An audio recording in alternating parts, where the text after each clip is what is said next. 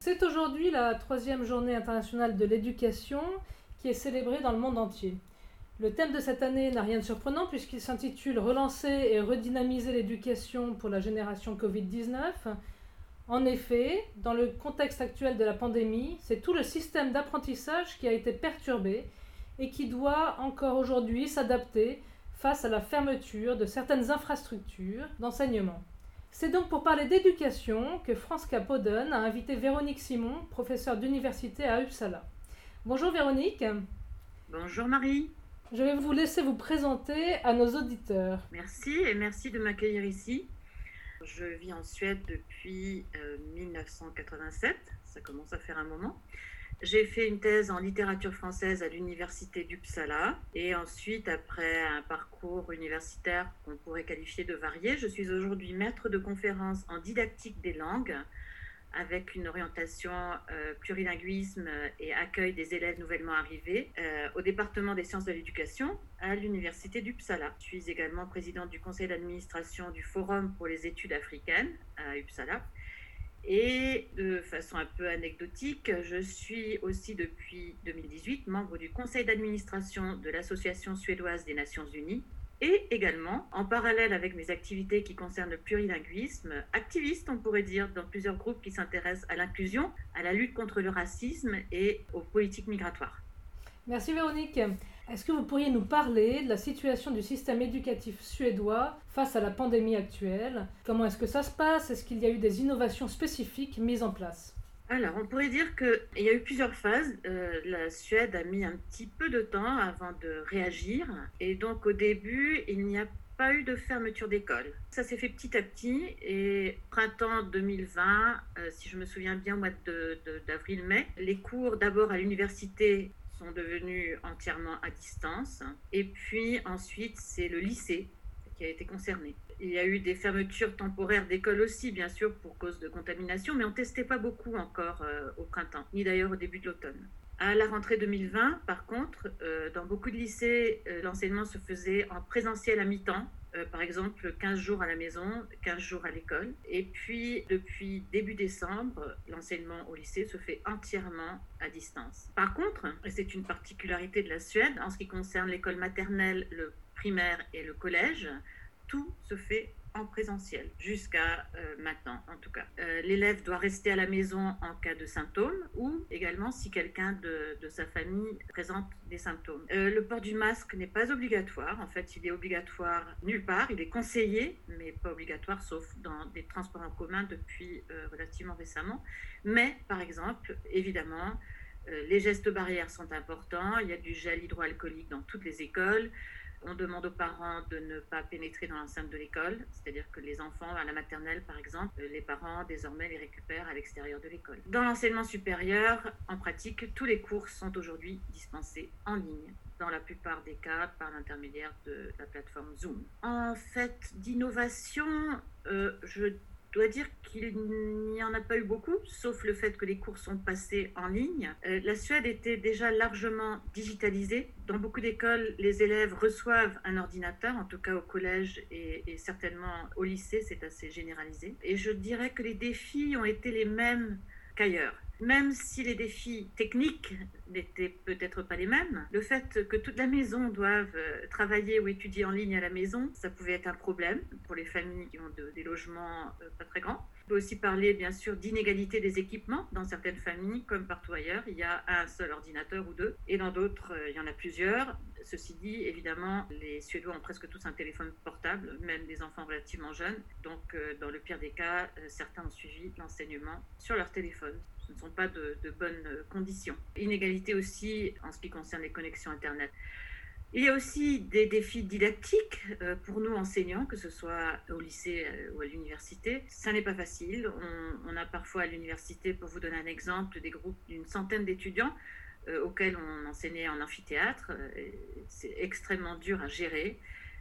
dans le dialogue avec les étudiants, le fait qu'on perde aussi une grande partie de, de la communication qui passe par, par les gestes, tout ce qui est la communication corporelle. Difficile aussi en ce qui concerne l'interaction avec, avec les élèves ou avec les étudiants. le fait de pouvoir vérifier si un élève ou un étudiant est présent ou pas, ce sont quelques exemples. L'enseignement finalement est paradoxalement devenu beaucoup plus individuel.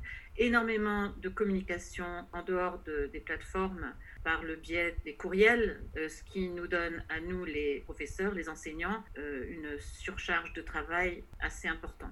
Parmi peut-être des, initiatives intéressantes et peut-être spécifiques à la Suède, il faut savoir qu'à l'école en Suède, les repas sont gratuits, y compris au lycée, et donc dans la municipalité d'Uppsala, il a été décidé, puisque l'enseignement maintenant euh, ne se fait plus sur place et les cantines sont fermées, chaque élève recevrait 30 couronnes par jour pour le repas de midi. Une dernière petite chose quand même, c'est que nous souffrons tous de fatigue, une certaine inquiétude aussi euh, de la part des enseignants en primaire, à l'école maternelle et au collège, peur d'être infectés, puisque les, élèves, même asymptomatiques, peuvent transmettre le virus.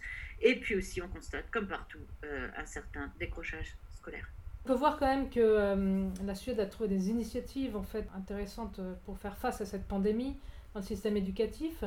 D'une manière d'ailleurs générale, l'éducation en Suède est souvent donnée en exemple par les médias, notamment en France. Quels sont les atouts majeurs du système éducatif suédois, Véronique? Parmi les atouts, euh, et dans ce cas-là, je ne parle pas uniquement de façon personnelle, mais je me base un mm. petit peu sur les, les rapports, les impressions euh, de mes étudiants étrangers, puisque j'enseigne à, nos étudiants Erasmus, entre autres. Je dirais la flexibilité et la décontraction me semblent aujourd'hui un atout, euh, alors qu'autrefois j'aurais peut-être dit que c'était pas assez autoritaire ici.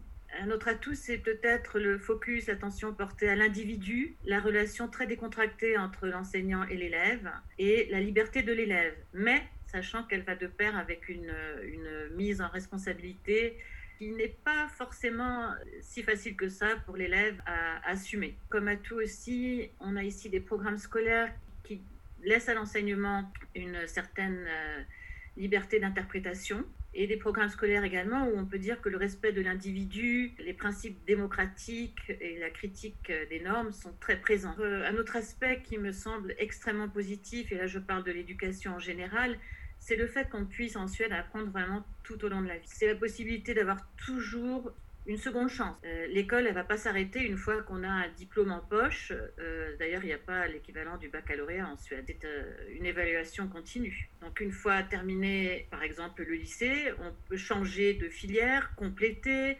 On peut aussi d'ailleurs changer de filière en cours de cursus au lycée. Les élèves font très volontiers une pause après le lycée avant de commencer à l'université ça peut être une pause qui dure un an ou deux ans, ou beaucoup plus longtemps. On peut rentrer à l'université, passer 20 ans, sans que ça pose de problème ni à l'étudiant euh, ou à la famille. Il n'y a pas vraiment d'opinion là-dessus. Et on peut revenir sur les bancs de l'école euh, pratiquement à n'importe quel moment. Donc c'est vraiment apprendre tout au long de la vie. Un autre aspect qui me semble très important, euh, c'est le droit à l'éducation pour tous, y compris les demandeurs d'asile, en tout cas en ce qui concerne les enfants.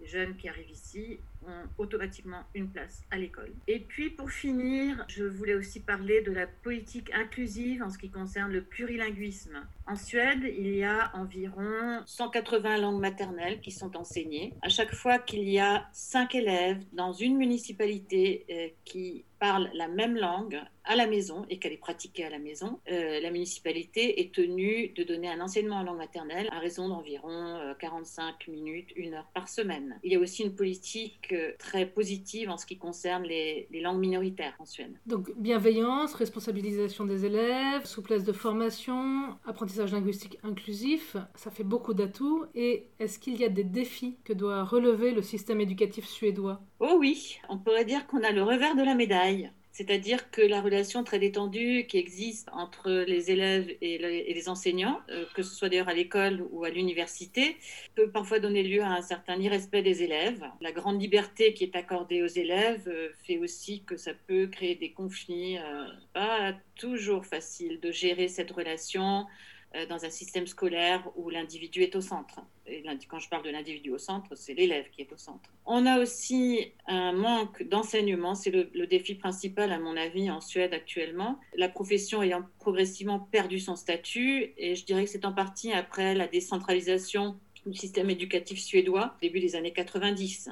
Il y a aussi des inégalités. Donc, je parlais tout à l'heure d'une école pour tous, mais en même temps, comme certaines communes en Suède sont plus riches que d'autres, ça veut dire aussi que le budget donné pour euh, l'éducation peut varier d'une commune à l'autre, et même d'ailleurs d'une école à l'autre. Une autre euh, forme d'inégalité est liée au libre choix, c'est-à-dire qu'un élève ou ses parents peuvent, dans une certaine mesure, librement choisir euh, l'établissement dans lequel l'enfant fera sa scolarité. Il y a également des inégalités dues à la privatisation ou ce qu'on pourrait appeler la marketisation de l'enseignement, de l'éducation, du système éducatif en Suède. Vous parliez tout à l'heure effectivement de l'apprentissage de la langue maternelle. Cependant, dans l'apprentissage des langues, on note un net recul concernant notamment l'apprentissage du français. Est-ce que vous pourriez euh, nous en dire plus?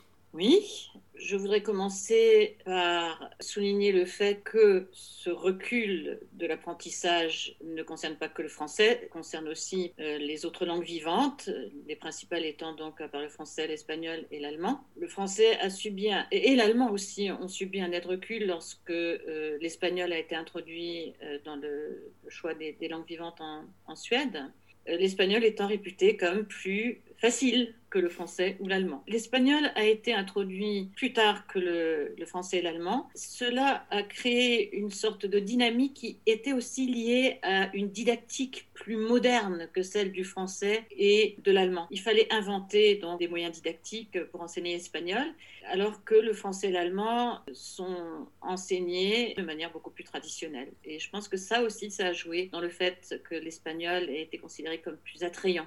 Si on veut continuer à parler de, l'enseignement des langues maternelles en, Suède.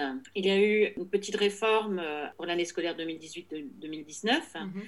Et donc, euh, une proposition avait été faite à l'Agence nationale pour, euh, pour l'éducation pour améliorer les compétences linguistiques des élèves et accroître leur intérêt pour l'étude d'une langue vivante d'eux. Le problème en Suède étant que les élèves, non seulement, bon, peut-être qu'ils choisissent plus l'espagnol que le français, mais beaucoup d'entre eux décrochaient et demandaient à avoir un enseignement soutenu en anglais ou en suédois au lieu de, de faire une langue vivante d'eux.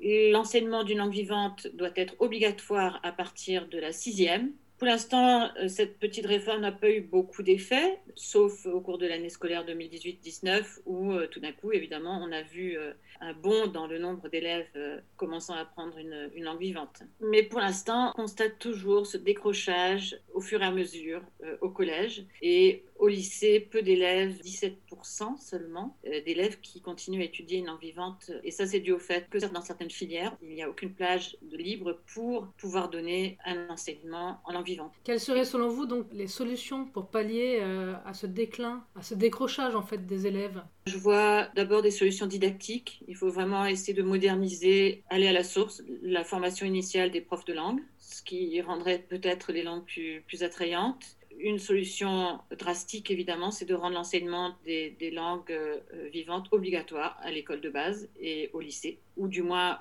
euh, d'en faciliter l'enseignement au lycée en aménageant les programmes scolaires.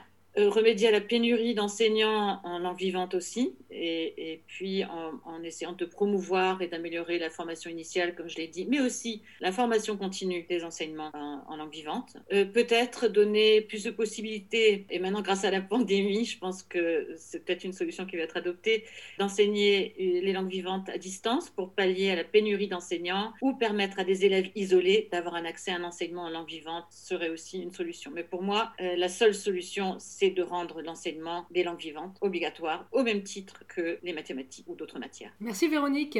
Je rappelle à nos auditeurs que les axes étudiés euh, lors de cette journée internationale de l'éducation sont l'innovation et le financement. Vous pouvez suivre les événements sur le site du Learning Planet Festival, destiné donc à célébrer l'apprentissage dans tous les contextes et à partager les innovations. Donc sur le site https www learning-planet.org. Merci beaucoup. À bientôt Véronique. Au revoir. Merci Marie. Au revoir.